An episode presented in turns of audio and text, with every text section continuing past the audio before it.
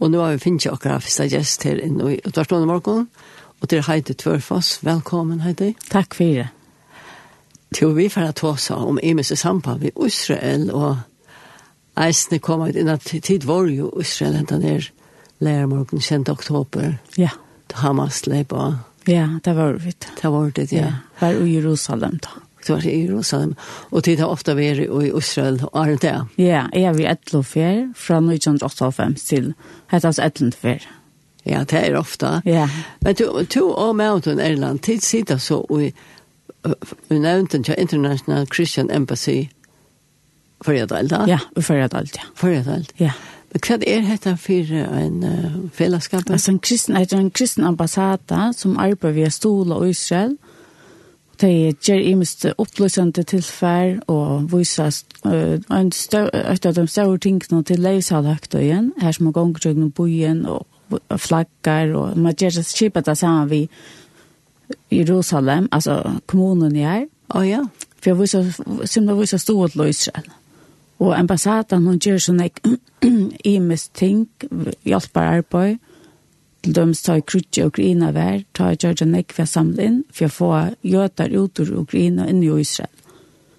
Og jeg det til, jeg, jeg leser akkurat nå, at det ble gjørs og øyla jeg ta i, var det 43, ja. det ble så nekve Ukraina kom. Ja. Ja. Og nå gjør det i øysene nå, ta i krutje, så samlet jeg 18 nekve penger inn, til dømes er det nekve jøter, eller der røver, og i landen, det er tilbake. Ja israeler og øyne araber som, som var stola i det. Det som bygger vi i Israel. Det som bygger vi i Israel. Ja. Og så samlet de penger inn til å gjøre mat, la hus at de nekver som er, er flott ut ur husen Så stola de så de kunne få noe annet bygger vi. Og ambulans, flere ambulanser ble stålende nå. Ta krutje på greie. Å ja. Og så samlet de også penger inn til uh, noen ambulanser til, og i Israel. Det har hänt så nej. Ja, har hänt så nej. Så det nu akkurat nu gjør det stora skriver ut alla døltene runt i alltså runt i verden om att hjelpe til å samle inn penger. Och så er så eisen kallet for jeg det. Ja, så hvis vi får in på Facebook så ständer ICJ förra eller ICJ förra døl, så vi har lagt ut i det om man kan stola vid pengerlig. Så sänder vi det på en löst till Israel. Så det er for åtte av det som er så vært beinleis til beinleis. ambassaden, nesten kristne ambassaden. Ja, og i Jerusalem. Ja, ja. beinleis her til, og så fordøyla det av uger. Jeg hadde meg vidt minnes litt enda av ja. jeg lukket som minne av til alt der. Ja, inna Facebook, ICJ følger, og her er så kontonummer. Ok. Ja. Tu, men du er vi egentlig for Israel. Hvordan ble til at du har haft sånne år? Ja, altså, om mamma, Jakobina, hon har alltid tåsa nek om Israel, faster henne her, hon bor nere, oh, ja. at det sender blø opp om Israel. Og så har hon Lise nek, hvor hon har fortalt okkon om Israel, alt som jeg vet om her, hon sitter og tås om Israel, og bøyblene, og oppenberingene, og Israel er fyllt nek. Å oh, ja. Så det er fyllt nek vi alle familien i okkon. Altså, tja, fastron og, og alle familien er nek vi i Israel. Du, men om att hon har haft en särskild kant, eller vad man ska säga, i samband med Israel. Ja, det om var född 1911, så det är nog så särstakt. Ja, så var det värre. Ja. Ja. Så det har fyllt en ägg. Så här är kärleken kom med Jocken Ödl. Ja, så det är lagt, det lagt ner till Jocken Ödl. Ja. Alltså den nästa generationen. Ja, ja, och den nästa, ja. Ja. Og faste min Asa Lutzen, hon er, hon er øysene til sammen, hon er nekk vi Israel, og veri her og, og ta fytle nek. Så vi tar en gjøta som kom, og en gjøta kom og herme av, hermaverne kom opp av vidtjokken. Nå? No. Man kunne bjøre seg til her omkring byggvand. Det heter vær, heter under seks år siden. Og så først han kommer i Ola søkken, så spyr jeg fast om, om, vi, om han kan sove her, vi skulle sove her. Han kommer inn, han ble så ivrasket, det her var utsøsføk, og her var skjøttner, og her var han omkant, omkant i løven og kom inn i et høym, og här som han mest så sa han kärlek att Louise. Oh ja. Det var, var rörande för han. Ja. Så det är ja. er, och i alla familjerna. Ja, det familjerna. Ja, ja. Och, och Björkfinn. Ja. Björkfinn Heinsen till Bortjemoen, ja. Han Bortjemoen, ja. ja. Han reisne. Ja, han var nek fera lager i Israel. Ja. Ja, jeg tror også det, ja. At det finnes bra, altså. Ja, ja, ja, ja. ja. Og, og flagg og vinkene, ja. Ja, ja. Ja, Bortjemoen, han var nek i Israel. Ja. Han är han är flera lejare så. Han är flera lejare, han bor han lär sig måla och nu säljer han lax med annat löjsel. Och gör det? Ja, att det kommer ju där. Ja. Ja, Jag backar frost. Ja. ja. Jo, men nu hälsar vi när det Israel. Ta ha to med om vi nok så langt. Ja, vi var og skulle være åtta viker til Jøten, som med årdet og Israel. Man kan være noe hjemme så heimasøyen til han jo. Her som de har på bibelskole i Israel, for unge og snu og for tilkommen så har vi det ett att ska ju vi tekne oss til. till.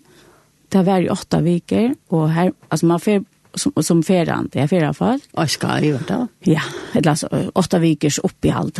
Oh, ja. Och här är med andra här som har fyra sånt land någon och det var så undervisning för bubblorna och så har jag haft vi till så hjälpar arbete. Här som med en annan och när samkom och mitt i byn här hade det soppekök Her som de pakka hundrolt så støvrar. Man pakket i døren kom det ble kjøpt etter alt ut fra stole. Pakket de hundrolt så støvrar og vatten og salat og bollar og frukt. Så kom folk. Det, man spurte ikke hva det var. Så det var Alltså att ju i Jerusalem är ser mest vi här är nekvar rabar, nekvar israelitar och kristna eller blandar och. Oh, ja. Så att kunde komma. Og så var det også det at så serverer vi for holdt trusfall som er ute inne. Det hadde et høle, ja? Ja, det hadde et høle samkommende. Å oh, ja. Den samkommende som Bjørkvind, Jack ut han, han bor her. Å oh, ja. Hadde et høle, det er midt i sentrum. Så serverer vi for folk som kom inn etter. Du er det nok sånn ikke som er et la fire, altså? Altså, Israel er et øyne dorsk land, av Byggvøy, og prøvstøy er som i fargen, altså, av Bikva med etter, men av Byggvøy er enda dyrere. Ja. Og her er så nekk folk som kommer av sånn fra. Og ikke har så gav på en sjø, og nekk eldre folk som er jøder som er bo i stedet i verden, som så kommer til oss. Ja, ja. Så så hadde jeg hadde ikke pensjon. Nei. Så tog jeg livet støy øyelig høyt. Dorsta livet. Dorsta livet. Ja, ja. Ja. Jo, men altså, så det kom inn her og få seg et. Ja. Her er nek som er øyelig, nå er vi nek som er her. Ja. Alt som jeg leier mest til, som, som, där man kommer som främmande där inne. Det var bosskullen, alltså det var stolp till betong. Ja, ja. ja. Alltså runt om Atlasan gas och allt det, är här är det bosskullen, det är det bombeskullen och samsundes. Och där ser man uh, spelplås imsastene. Her er øysen en parsta spelblåsen i bombeskuller, så hvis det er kjemmer lover, så vidt er bøttene hver til for ui. Så det vekser opp i høsten? Det vekser opp i høsten, ja. Og det må jeg beundre det for at det veks opp. Det skal få en gjerense å fungere, det skulle kunne leve i en gjerense, samtidig som alle døy at livet under nøyre høytan, hva hender nast, kommer en bomba, eller kommer nækka? Konstant er livet i øtta, og alle gav skulle fungere. Men det må preka, nei. Men det kanskje man ikke ser selv, men det er også man, hvis man ja, levde ja, under sånn her. Ja, ja, ja, ja, ja, ja, ja, ja, ja, ja, ja, ja, i fjør var det påsken og jeg kjønner familie. Å ja, og jeg var her, det er akkurat som jævlen til å ta med påsken, ja. Det er det store. Ja, det er det store. Vi slår på hjem til deg at halda påsken sammen ta med Og ta seg på appen hver for en stor høgt, og ta er han eiga bensin for at dere skal hente. Så at Jan Kippur og 43, det hendte jo at de høyleste det noen. Og ta i, ta i sabbat er til høyl det her. Ta gjerra jødan rundt, ta lort ikke til utvarspen og der har ikke internett fra alt er. Er det ikke bussar, eller? Ikke bussar. Nei. Nei. Så at alt lukkar som tar ligg og mordler men er ja. Oh, ja. Så tog er, for, er det mest svarbart, ja. Lukkar som avloppen nå som heser for hver, det var en sabbast, ja. Det var en sabbast, det er interessant. Ja, ja. Så tog opp det igjen, ikke, at ikke at er hva det er som hender for en loren, altså for en bombe og avværingen for bøyler. Ja, ja. ja. Så han säger till han var alltid på vakt att det var höjle där och, och han som ja säger som är som vi familjen vi vi gör för ja. Jo men det var ju här påskom så fick det och självt ett och så. Ja ja ja. Den ölas det var så för, men det ölas häststarkt. Vi skulle vara vita, det här var en Alt etter samman så leser det nek ur gamla testamentet och där syns jag kan släppa läsa och den yngste skal ska läsa någonting så hun vant seg åren. Ansk kunne klar. Hebraisk hon hebraisk hon. Hon lärde sig sonen Josef Wimmerjock han lærte henne.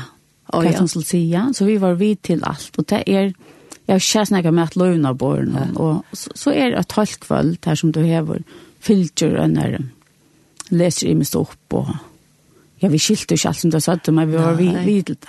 Det Det var avhåverst. Ja, det var avhåverst, og det var flott at det, at det ville bjørk om vi. Ja, ja, ja. ja. Til til dem så stor han der. Ja. Ja. Jo, men så til var vi nå og arbeidet, nek var vi ikke, vi er ikke med og så det. Ja. Og hvor var det annars som hjelpte til? Alltså vi vi var åtta danskare.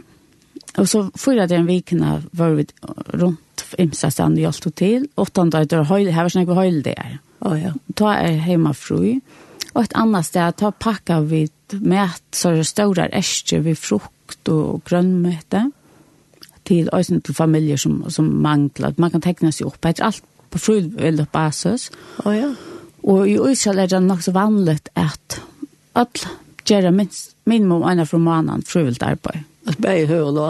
Høy og la, ja. Den øyne dagen til dem så arbeider vi sammen vi pakka av ærsker sammen vi Hermannen, ungen, ungen jenten og dronjen Og de har også en, altså, jeg var ikke om det er et maskinkjøver, et eller børse, jeg var ikke kostet øyder, akkurat, ja. Ja, rundt, og de kunne ikke lege det fra seg, men det er på at du måtte ha det på alle tog. Det var helt særlig, ja. Så spør jeg hva de ikke kunne lege det fra seg, det er så ringt arbeid vi. Ja. Det måtte boka sin hier i rester, og nei, det er enda svøv og vittig under kottanen, det er det må ikke miste det vekk. Hva sier det, ja? Så det er en halvt annen vær, og dette var, Den som jeg snakket mest til, det var en ung jenta som var 9 januar, jenter av herskilde 2 år og trondjur 3 år. No. Og så er det øysene, at han har visst det så færre år her nå, så er det øysene, skulle de kunne tilkalt Astus i Så skulle det være klar? Ja, og det er øyne nek som er bløyt tilkallet enn jo. Ja, sånt. Ja. Men hvis hun gikk ved henne bryr her, så var hun tilkallet, så var hun Nei, så hun var jo her nå. Hun var jo her nå. Ja, hun er herskild, hun var her nå. Ja. Altså, tve årene. Ja. Sjalt at er her nå, som sier, så hver måned så gjør det at en frydag, så får det gjør det frivillig arbeid. En fridag, ja? Ja. Og en annan dag, ta var vi trudje danskar, altså jeg og tvær danskar, ta arbeid vi, vi sammen vi fjørt av den haks innenfor lagreglene. Nå, no. ja. tar skulle jeg eisne. Ja, tar gjør øsne, altså alt hø og la. Så vi trudjer, og så fjørte Lorsland og lagreglene våre, pakka med sammen. Da følte du kunne trykke på mig. og da stod det var at jeg fikk oppgave å kontrollere at jeg gjør alt rett. wow, det var flott. Ja, ja. ja. Så. så. men så kom det tatt inn av følge her, ja? Øyelig tatt inn av. Ja. Og, og vi er ved, så, så er man, heter man helt en annen oppleving. Så man kommer helt tatt av følge, og da sørst morgus er ikke at den har livet, og man får mer inntrykk av dagligdagen, og som land er så imest. Så det er imest om du er til Tel Aviv, eller Jerusalem, og den ene dagen var vi til dømes og i andre kibbutz. En dansk kone er gift der, hun var gift der i 40 år, Aloi, og som jeg og han øyne av fjerste det, foreldren til henne, de kom til Israel, altså jeg var ikke per, mamma var 16, jeg var ikke, pappa var med 18, og i tredje for noen.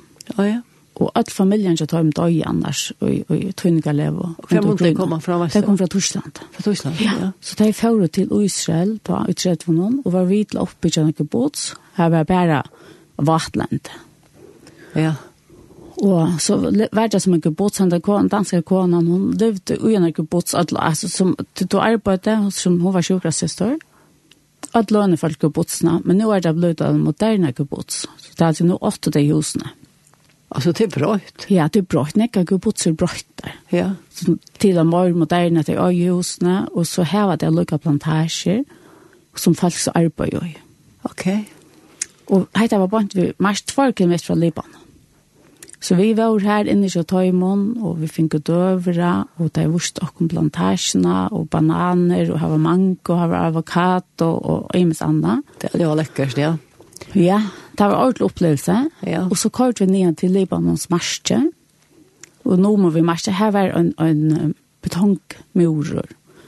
Ta seriøst med en betongmurer, han er ikke til at det er ikke så løs at vi, vi vet at det kunne komme i rom, men det er ikke mer tog at verre oss, hvis vi blå alle oppe. Og så visste jeg noen så er det som det større tunnel, akkurat som en vanlig tunnel, her, her som uh, det er gjørst simpelthen sprongt inn i fjallet, ivet til Israel. Til at du skulle hava, her var en åtta tunneller til et funnet, som til så at du atle ivraska Israel ved en, en, en avlopp. Det tok under karer som stod ut, tank som noen yeah. Og det var han sett det var et omtur at jeg funnet til av, og så så vi inn i at det var lukka til, det var stoppa til at det, ja. Så så vi, så han lukka som, det var at han vel og ikke tar luft og i, at og atlaltene at vita att at det var en vante. For seks år siden, da var han kommet om, og jeg leste jo i Hermanna klær tja Israelitten, og han atlas sjåd et, et skolabussen. Ja. Tog bete var skolabussen for sjøen, men han heia lukket aldri på seks. Ikke hun og litt. Ja, men så spyr jeg mannen, da vi så, og han vi fra sted, sitter vi til altanen, så sier jeg, nei, så spør jeg kona, jeg sier, og krutje tror jeg, hette var æren det här var frialligt då. Björn Kippo krutje tror jag för var det mest att då. Så säger hon han var vitel då. Man snackar ju det. Nej. Och så hickar han på mig. Vi är glömmer omgående uttryck i egen. Det var akkurat som bäjens sorg, men ösen vi att hatt det färre vi lever nu. Så säger han hatt det färre och nu tackar vi det ene det. vi tackar en det och sen. Og ta, og ta det på seg. Det er helt det var flott. Det er helt fantastisk. Ja. Så hadde vi färre att tänka för läge som du yngst där. Ja. Vi, um, vi, uh, Linda Randall. Linda, ja, Linda Randall, one day at a time. Ja. Yeah.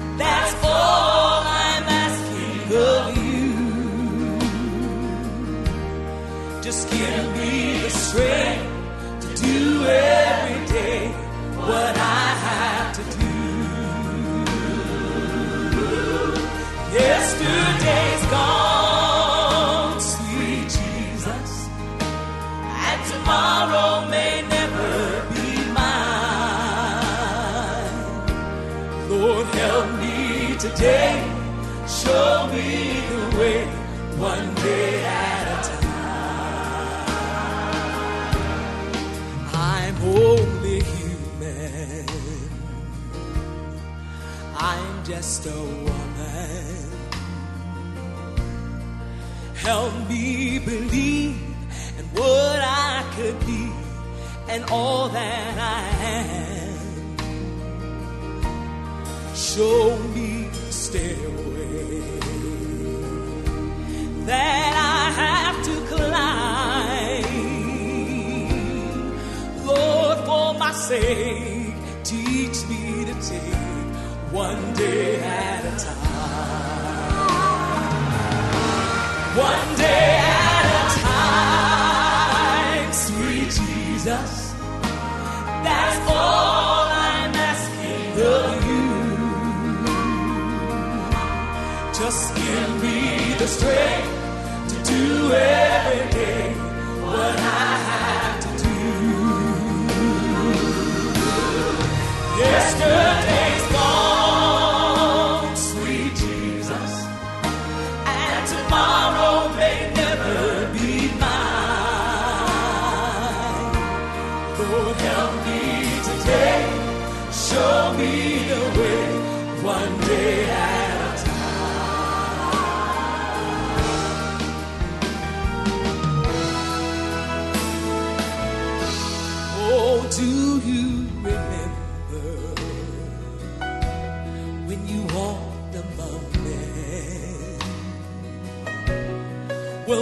Jesus you know if you're looking below that is worse now than then.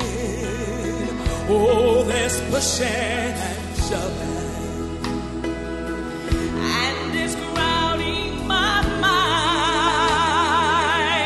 So Lord for my sake teach me to take one day at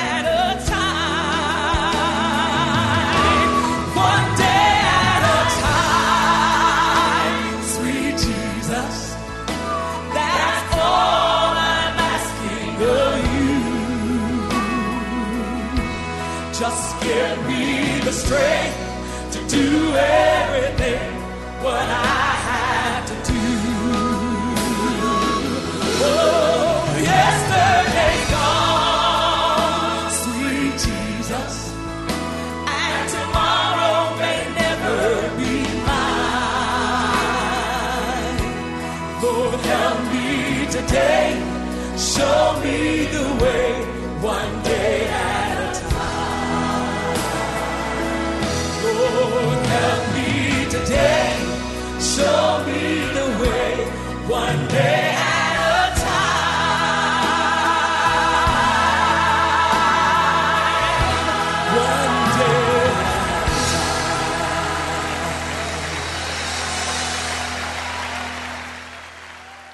One Day at a Time. Det er en kjent sang til Linda Linderenten. Og det var Heidi som fortalte om en mann som levde så snar en dag i sen. Det skulle vi gjøre, men her er det nøyet yeah. avgjørst. Og vi tar Heidi tvørfasser og i stovene. Jo, men så kom vi til han da han da leir en kjent oktober til Hamas løyber og han. Hva, hva gjør du da? Ja, altså om morgenen, hver morgen, men jeg var i Jerusalem, så får jeg opp klokken seks, andre han ble for høyt, Och så rann det. Rann fem kilometer. Så rann det ena, akkurat hända morgenen ned ena promenaden. Så att solen kom upp, Jeg hadde ikke mindre av det Og Och flott, solen i bojen. Och, och jag var fullständigt att skick. Det rann hver morgon, pur ensamhet alltså. Och det var Erland vi, men som räknas rann i selv. Och, och falt med pura trygg i Jerusalem. Det gjør du. Ja. Og akkurat der rann, vi bor jo noen kvarter, og så rann den igjen, altså, det kallet promenaden her som det sørst i Atlanbojen, og her var det arabisk kvarter, og jeg falt med trykken i Øtland, det lette såst om man i det arabiske. Og jeg kom så hjem, fer brus, og så fer ut tom, og det morgen mat åttan for hver morgen. Hvor høyt var det? Ja, altså nå tar vi kom og lade om 38 kvann det, det var øyelig høyt, og nå tar vi fjord og lade om 28, og tar vi passe alle kjønn det igjen. Ja, ja. Tog rann jeg alltid om morgenen, og så solen kom opp, og ble, så rann andre ble så høyt. Ja. Vi akkurat kom det tom, sett med nyer, at det er morgenmat.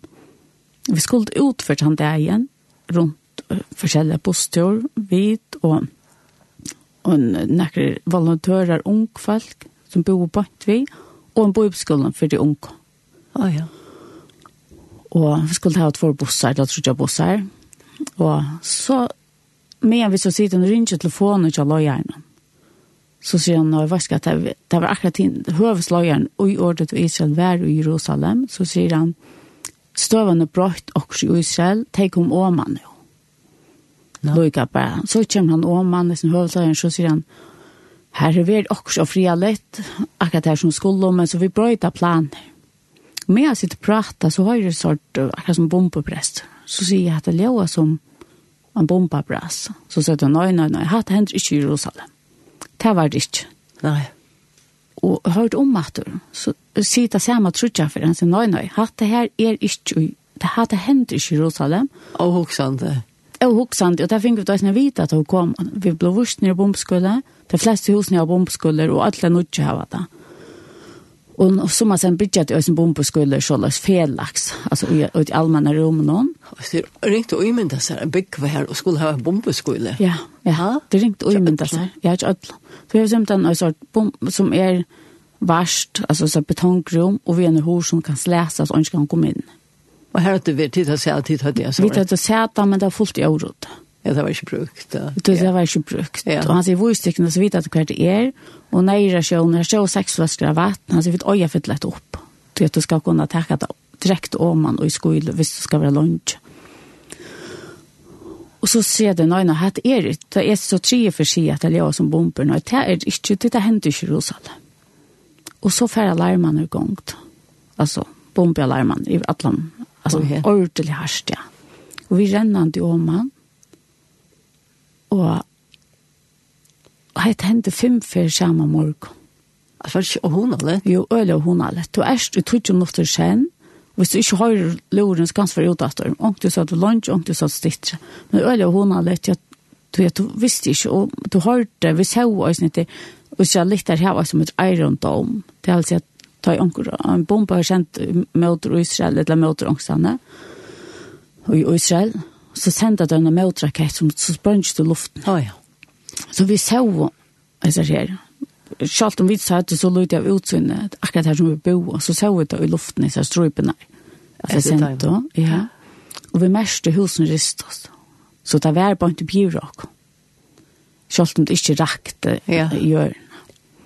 Så det var jo hon alt, et øyne jo hon da man så for i sang, det så sa det, ja, men det er ikke lett at det kan ui, et eller skulle ha klærne på til inne her, så det kan renne om av bombskuld, det er som jeg først ordentlig sove.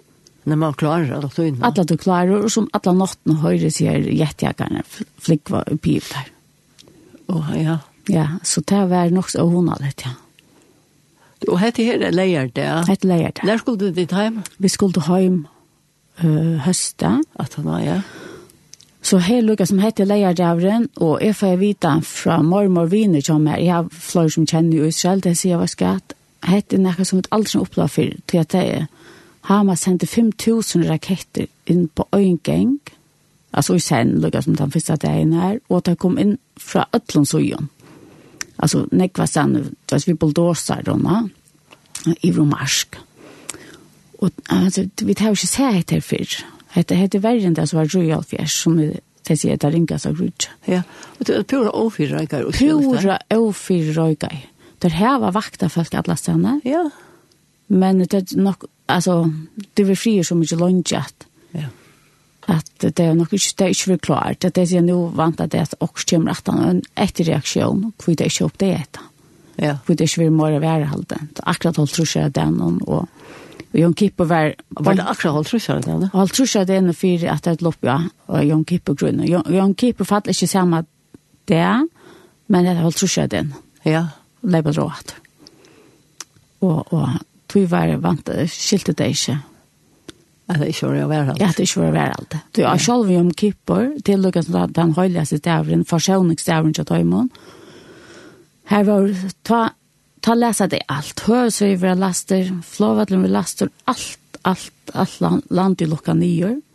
Og ta ta tar et lopp i Afrika så sjøen så. Og ta opplevde vi så jo er. Alt landet var lukka nye. Vi gikk ut av motorvennen. Og ta simpelthen frier valda i ui ötlen og Israel og Jerusalem. Ja. Jeg omgang oppleva så han fri. For så at nok få det skjøttene. Ja. Så leibet av, men det var alt så skjøttene, ja. Så det var Og ja, så vi, vi når jeg kan si hva skal hette her. Vi tar ikke sett det før. Man var ikke kun vete bedre hvis vi kunne færs ut av landet. Å oh, ja. Ja. Og jeg prøver å hitte, her var så ikke billett. Og sånne der hun kommer, og ta sam. Jeg får etter å løte et billett om, tog jeg til å si, jeg var skal færre prøve, du var ikke kun vete bedre. Ett biljetter kvar kvar. Till förrjar. Alltså ut ur landet. Vi hade vi tar hade flåblätter till hösta. Ja ja. Och Norwegian hei avlust så flåfärda, as flåfärna som det Och jag finner vita att de nog öst blev avlust torsdag, så alt var så usikkert. Så jeg enda finns ju några blätter, penger var checkt av korsen någon. Och så sa det noe, det ble anledning, Det var på ett bögen ju var. Ja. Godkänd. Så jag prövar alla Selv om det sa ut som det var bletter, så tog jeg kjøpe at det var sjekstar. Det var sånn flikkvarer kom, og spørs til. Ja, og det var det her var jo nekre flikkvarer, og så var det stångt, og så var det åkker for å sted. Det var så øyelig avsikkert. Ja, ja. ja. Så nekre flo og nekre flo ikke, så var det en alarm, og så kom det ikke, og så vendte ånker piv og flå, noen, så øyelig nekre var avsikkert. Så det var fengt i her? Ja, og du visste ikke hvem vi er støvann bær. Nei. Det var det som gjør det nok så trobult, Du visste om det ble verre eller ikke, og så hokser man med en bød, og familie fargen, altså, og akkurat som man er her på en til rønne liv her nå, men man hokser også som til hjemme. Ja, som høyre tøyentene og ja, sånt, ja. ja. Men det er samband med deg? Vi har et samband med deg, ja. ja. Og så sette jeg min ekve samband vi, vi Aka fra sendestående, oh, ja. første sendestående i Israel. Ja. Han var øyelig hjelpsammer, og så visste jeg om alltså Karsten han var ösen i Israel och så Dorsta och David Dam Jakobsen det var akkurat för en ferie och det var ett förutsätt det här så jag kände visste jag att det var så vi Lukas som pratade samman och så gör Dorsta en Facebook balk Hette här är så sånnet det ja ja Og det er smart som bølge. Ja. ja, så kunne vi samskifte, og vi samskifte en synder, og lukket som, og jeg innsett land bare, jeg slapp sjøen for, for en, sånn at jeg enda finner ikke nummer fra noen israelskåden. Mm fjerde skrivsova fra Akka. Han sier varska at du besta på å slippe ur Israel til er færa amman. Ok. Men uh, ta, ta han så opp det at jeg ikke er diplomat, så sier han at jeg er ikke så nevnt jeg mer å skaffe tvei folk ut. Tog jeg tog hans ikke færa den siste veien, du her skal ta vi som og herren, og så er det en langere vever. Så jeg lukket som, her, her var det ikke møllager, jeg kan at det er møllager som var akkurat da. Ja. Så innsett han på at det måtte bo i høste, velvidende at aller helst for å bli avløst. Det sies nu med en flere skrivsåne, at Norwegian hever avløst sånne det, og tar for avløst av torsdag, og aller helst også i høste. Men flåvatlen og Israel var ikke stongt der? Han var ikke stångt der, men er kvar løtt å være stångt der, er ikke løtt ja. opp. Det var akkurat bomber. Ja, så han var ikke stångt der. Nei. Men ja, han var ikke, ikke vanlig åpen, og at ville ut og landet. Ja, det er det. Ja. Så tog var det veldig avbjørende. Så man visste ikke så langt man, man skulle være inne her. Det er øyne presset livet. Ja, det er det er presset du skal leva. Hvordan langt vi er, hvordan utvikler sovene seg. Ja. Du vet, han har seg sagt at vi vanlige muslimene leiper og av folk her som de er så. Altså, man kunne vant det alle stedet. Ja. Og det var det som ble avbjørende. Det er jo 15 var vi i Øysten Jerusalem, jeg og tversisene bøtten, vi bøtten noen, og mannen, og ta vær akkurat ta, ta lopp og ta i å, altså muslimen lopp og å, ikke alle nekker lopp og stunk og falt nye av gøtene, og kort under buskøller. Her som falt på et bussen. Ja, ja. Så bøyren han vær tømmer da. Ja. Det enda vi, vi måtte så færre ut, færre til Tel Aviv, der vi kunne kjøre i Rosa, men jeg var ikke folk ute. Altså, pura tømt. Her var det nekk politister og hermen, og her var ikke folk, tog jeg at Vi kunne kunde släppa noe sånn. Tror du inte livet under hälsan? Ja, ja. Så tog jeg visste jeg, jag, okej, okay, bärsta blusen ta. Ja. Så ta en ovissan er, er trobel av livet. Men du vart attra lukka nu også? Ja, jag attra mig attra, ja. Du har attra atter, du vet ja. Ja, ja, jeg får attra, jag var flöjt för attra, jag attra mig atter. Så det er ikke det, men, men jeg må beundrar folk i, i ja. landet nu. Det är som byggvär. Det er som byggvär. Det är ett helt liv, vi lyckas som livet som stort av tog, det er livet som kvønte.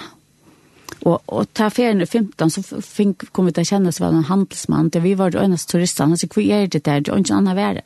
Og her var, altså, vi var øyneste som hadde kjøpt fra noen. Flordeer. Å oh, ja. Og så kom det samband vi igjen, og vi så ble en ordentlig vel, og vi ble skriva sammen, altså, han og kona, at den tilkom med over. Nå sendte jeg meg mynter ut og er, eller fyra dagen, at han og konan sier farvel ved sonen som skal tillkallar affärer och oh. i krutch. Det var roligt. Ja. Helt roligt. Ja. Så det är ölla trobult. Ja. Ja. Jo, men den tid på jag så efter att släppa det. Ja. ja. Vi börjar så etter att släppa det och vi är för sång som en kväll. Akkurat jeg kom sång. Nu skriver uh, Dorsta Dam Jakobsen att det visste om att Urslängs flåfär, Urslända försända et ett sunnfält Og vi var avhova vei å komme på listan. Ja. Det var vi så, men så var han aftan for tid til at uh, Lilly sier ikke at ord. Og, og, oh, ja. Og en Øsland her ringte han som ikke har så lenka tog. Til feltet ringer han, og så sier hun om at abortsen i Israel og hvordan, hvordan altså, belastende det var, og ikke man slapper ut og sånt. Det var jo som støv. Ja. Så sier jeg, men Osland er tar kjenta og flåfer. Nei, jo. jeg tilfeldig var det ikke. Nei. Nå, ja, men... Ja, ja. det virker, ja. Ja, det virker, ja, ja. Nå, du nevner at jeg har gått slåslo i Ødlån, ja? Ja, ja. Og, og det har sagt at jeg ville lande, altså Israel, nei, Øslandsk, ikke sagt, hun sendte flåfære, og det bjør Øjøps plass ut til ånden Norrland land, altså det er plassen som er til. Ja, ja. Og så, og så, ok, hva skal vi gjøre, Lukas, det var klokken på om midnatt, ja? Så ringde jeg Lak, og han svarer bøyna ved. Klokka midnatt i Israel. Ja, ja, han er klar. Han er klar bøyna ved, så sier han varst kvært, jeg skal kontakta uslensko. Altså sendte jeg en Usland. Å oh, ja. Som så, og så, så sier han, her telefoner åpner, det kan jo takke noe løt, ja. Og så klokkan tror jeg når rinja natt. Og hon er så snakka vi åtta minutter om alle rai i Ørslandet, og teg at du snakka lukka som klokkan tror jeg rinja natt til tider, og alt fem kom på listan. Åh, det var fantastiskt. Det var fantastiskt. Och, och, och det var bönarsvär. Och så, ja. men så då nästa till så där vi skulle så att han skulle komma till Tel Aviv. Flåfärd. Oh, ja. Brott, la för lamman. Till Jordan. Ja, och Jordan. Tog jag att det var så osäkra flick i Tel Aviv. Tog att det var onkel, bomber som var skott när var så, Som var flåfärd, som jag säger, talent och så mycket. Ja, ja. Og så tar jeg brått, og så skulle vi slippe til amman, og det visste jeg fra henne, for jeg skrev sånn at det var ikke så lagt. Nei, kom og tvert og marsje her. Ja, ja. Men så gjør man nummer til en uslensk balkje som, som te, han er finnes jeg vite, var i Jerusalem, det er finnes jeg vite fra Osland, det er uslensk sendte kvinne. Ja. Vi får så telefonnummer, og det sverer ikke. Og så ringte jeg til låka, så sier han, hva skal det kan være det sove?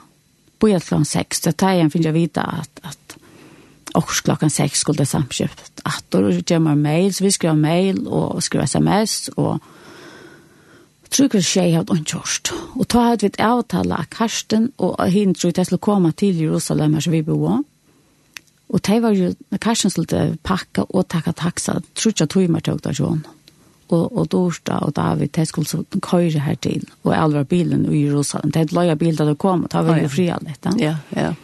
Så vi vet att det var så att det kommer bara. Det är inte att att komma att ta vart för så. Nej, det var klar. Det var vara klar. Ja. Så det var och då det var klockan 6 och Karsten kom tjej och natt allt. Ta var han där. Så klockan 20 till tjej. Ta ett onchars. Så ringde jag kan så prova vid om för ett annat nummer. Och men han så alltså ringde till Lustland. Ta för det sms. Möte nere i en hotell klockan 8. Mitt i byn. Mm okej. Okay. Så ringde jag att Laka skulle säga vi han att att Lucas nu att finns jag jeg kommer möta så sier han først och kvart. Jag finns jag vite bussen full. Och när hade det bedre. Ja, men då hade du bedt finns på for Östländarna. Vi vill bara komma. Ja. Och vi så det var etter bønnersvær, her här var så näck bønnersvær. Og ja. Och vi, vi kom altså om man hotellet her var affæret på fem og fors Øslandere, og vi var med som fullstendig som øyne og torre. Det har helt utrolig rørende. Jeg kom yeah. om han. De kom ut og kom bøyene ved og tok seg av oss og pratet av oss. Og ferdeløyeren, han som var ferdeløyer, så tar men Han var så opptidgen til han skulle ordne alt vi viser og passon og sende det til, altså. Det er sånn. Ja, ordene ikke ordne. Yeah. Og de simpelthen tok seg, alt tok seg av oss til han, han kommer kjøtt, og så tok han seg vågjere av oss og Altså, det var helt utrolig rørende. Ja. Ja. Det var god oppleving. God oppleving å komme her og føle tidrøyene och kar. Ja. Ja. Ja. Och tidrön på ena vi. På vi, og, og, och, och vi får så at det, det ble alle ett utsett ja. Vi får så att klockan 11 och 20 11. Och så færer vi til Karim och Jordan. og men vi er en ferielöjare i Israel, men da vi så kom til israelska marsjen, så skulle vi ut og så skulle vi stemple ut ur Israel, altså jag noen sånn passkontroll og så ska du gänga, jeg vet ikke om det var 200 meter og gjøre en sån ångamanna landet till det så kommer til Jordanske og Grønnsene. Så tank, det marschen var åpe? Ja, det var öppet, men da ska du köra. Inte her som man pleier? Nej, ikke her som man plejer, inte sista vägen. Så du ska køyre en lenge ved. Ok, ja bussturen til Amman tok nesten åtta timer. Tjej åtta timer. Ja. Sen vi det er ikke minne enn var. Ja. Vi kom altså til Mars och släppte passen inn. Og, og alle Östländer har ordnet sin pass. Så får han øyne för yngre vita vad ska tillskallt ivra söka visa. Ja. Og så huxar det var bare vi för en rätt. Så jeg, nå vad skal det er hvis vi først vil att inn og så slipper jeg støkken. Så jeg sitter han bare fram her og köjen og gav han passa. Og så får han atra seg når de kunne ikke til. Jeg sier jo ikke, jeg bare. Og skjønner du be. Og så sier jeg sånn, den guiden, den jordanske guiden, og jeg er en parster av Baltsjønån, det er en Øslanda sjakk, vi er en parster av oss. Det er skuld, og tar skjelda oss overfor innenfor det. Så til enda han tok han ødelfum passene, og så sier han, ferdig ut. Og jeg tenkte, for jeg fikk passe. Å oh, ja, ja, det er riktig, og omgå passe. Ja. Men så fann jeg så til at det et øystids, det passer ikke Øslanderen, det visste no. jeg så ikke av. Okay. Så kommer han ut, så sier han til alt kan ha passene, om det der finnes stempel. Hvis det ikke finnes stempel, så slipper det ikke inn i Jordan. Og så atter det til, for her finnes stempel, det ikke, ja. det visste jeg det ikke. Oh. Ja, og det hørte vi så. Det hade finns tempel. Ja, det hadde finnes tempel. Och det var fantastiskt. Ja. ja. Men men alla den här var så neck sorry. Och så skulle vi just ja, ja. Och så skulle vi jag någon näck check och alltså passen på kan man ju en sex för forskjellige posten och göra det till vi så komma till så kallar jag någon gör den öliga fataxligt. Alltså helt otroligt fataxligt till vi kommer till amman.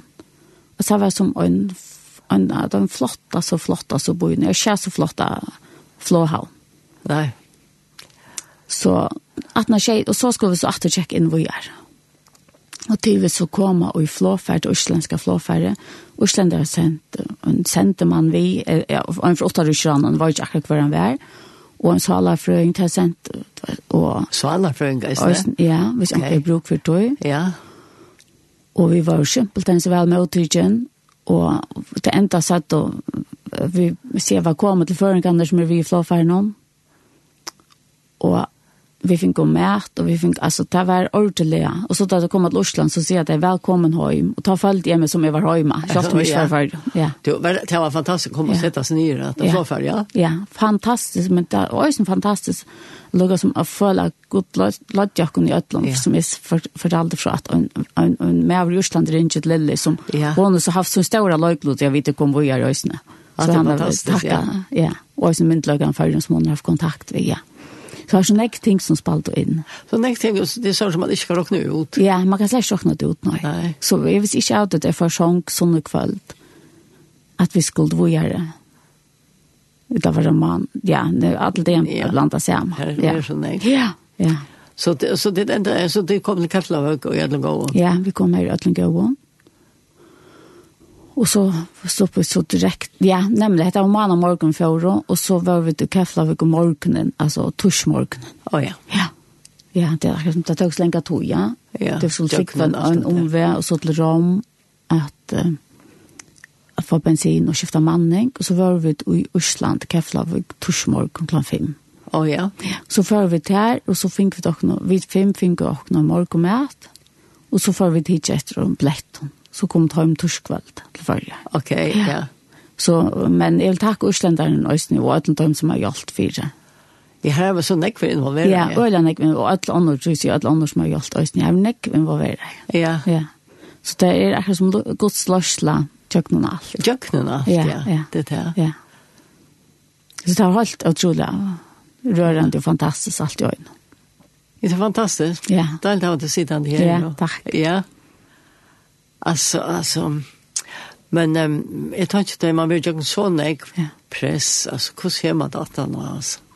Och jag snittar, altså, nu är det väldigt mycket jag her i Israel og Hamas og sådana mindre, så vet alla sitter förrän, det är så redan en inntrykk av, alltså, det är här att latoina. Ja, det är här att latoina. Og da hatt det øyne pressa hvor man mest av meg som at man møver og høybund og alt mulig, så det er det samme kalt han for ødel, men jeg husker øyne ikke om til som er der, det som skal liv og i døy, Ja. Og tog bi oss nek fire og Israel, og så bei araberen og, og jøten og, og alle, altså alle som er der. Ja. Til at i Jerusalem, her lever det jo sum sui. Og de fleste ja. er jo vel, altså. Og, og, men, men... Så det er aldrig, man vet aldri når nei, nei. et eller annet kjøp. Og det er at her er noen få som er jo, som man sier, det er ryster som takker sin ekne, som kurslærer. Ja. Det er det som så honallet, at det er ganger til det vanlige falsken som også ikke er fri. Ja det är det är inte allt som inte alltså flest flesta de vill ju leva i fri här som det är. Ja. Ja. Det är som så hon har lätt. Att att avskaka sån ek folk. Ja. Så hur också näck om det som är i Israel och be om om fri och och Guds värnt i folk. Du ja, det är också just om det som kommer är det fra att det är inte yngst där så kommer det här till så kommer det läsa stöv. Ja, så kommer det läsa stöv. Ja. Det är näck som är flyttar som til de oppgørelsene jeg kom til kontakt med nekk folk. Det var nekk som var flott atter til Israel fra sin heimlande og, og, og oppe her et Franksberg snakket vi i bussen om til å bo et, et tilkom på her om, om halvfjerds forsvar alder ja. til å bo i Paris alt sitt liv og nå til å bo tutsjar i, i, til, nei, i Jerusalem okay. men nå følte det ikke hjemme man flyter från landet, från Ötlund till ett annat land. Att jag tror att det är onkur, alltså, att det är lukkat så att till det hela landet. Man har hållit med kviffar att det här är så fredligt. Ja, men det är, alltså visst du tar på uppska så skulle det flytta åter men det ser att det är en långsol efter, det som jag snackar vi det är en långsol efter att släppa till Israel. Ja. Det är som rötterna är, och det är att tjult att han långsamt ska vara så utbyggd och se att det är släck värre. Det är släck värre, Nej, nej. Och detta franska pär har haft alltså haft ett ordla gott liv i i Frankrike. Ja. Så leva väl och färra från öll. Han har bara åkt döme. Ja, ja, ja. Det är så ölla näck som kommer. Ja. Och som kommer så att de har det så riktigt här som det är. Ja, men det är inte öll. Nej, det är inte öll. Nej, slett inte öll. Nej. Nej, kvar då har haft ett gott liv som det var. Alltså, det är en helt särstök sömma och, och man huxar ens när, alltså, at vi alt alltid är Guds folk. Ja. ja. At vi alt her, så er det där antallet. Ant, ja, ja, det er det. Det er det. Ja, det er det. Du, um, hei, tusen takk for det kom. Vi får ja. föränta nå. Ja.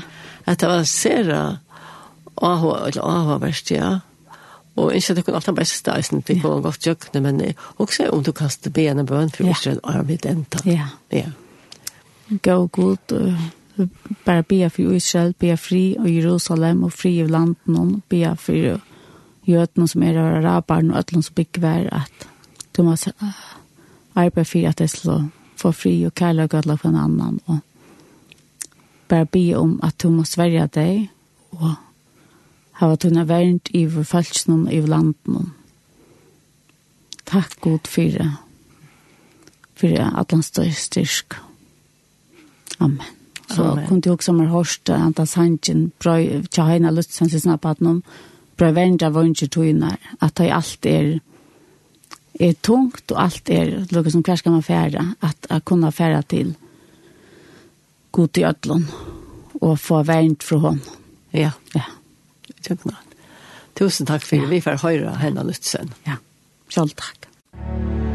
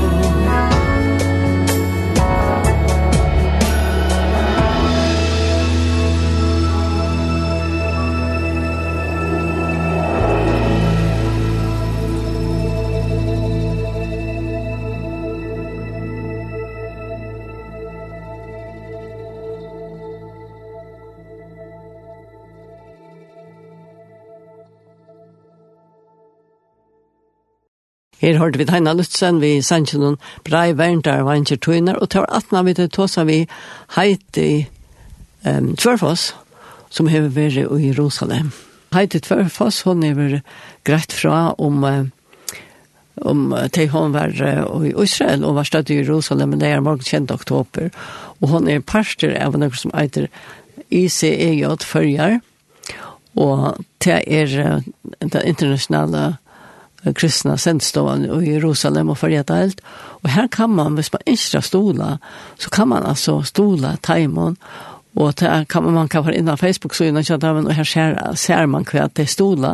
Derfor beinleis til hjelp til borteflott folk, bytja bombeskoler, Verndar utgjør, sjukrabilar, salafrøyler hjelp, neisinja vører og meter, og kontoen er 91 41 522 08 841. Nå kan ikke minnes det til, men bare for inn og ta av Facebook-søye. ICEJ Følger.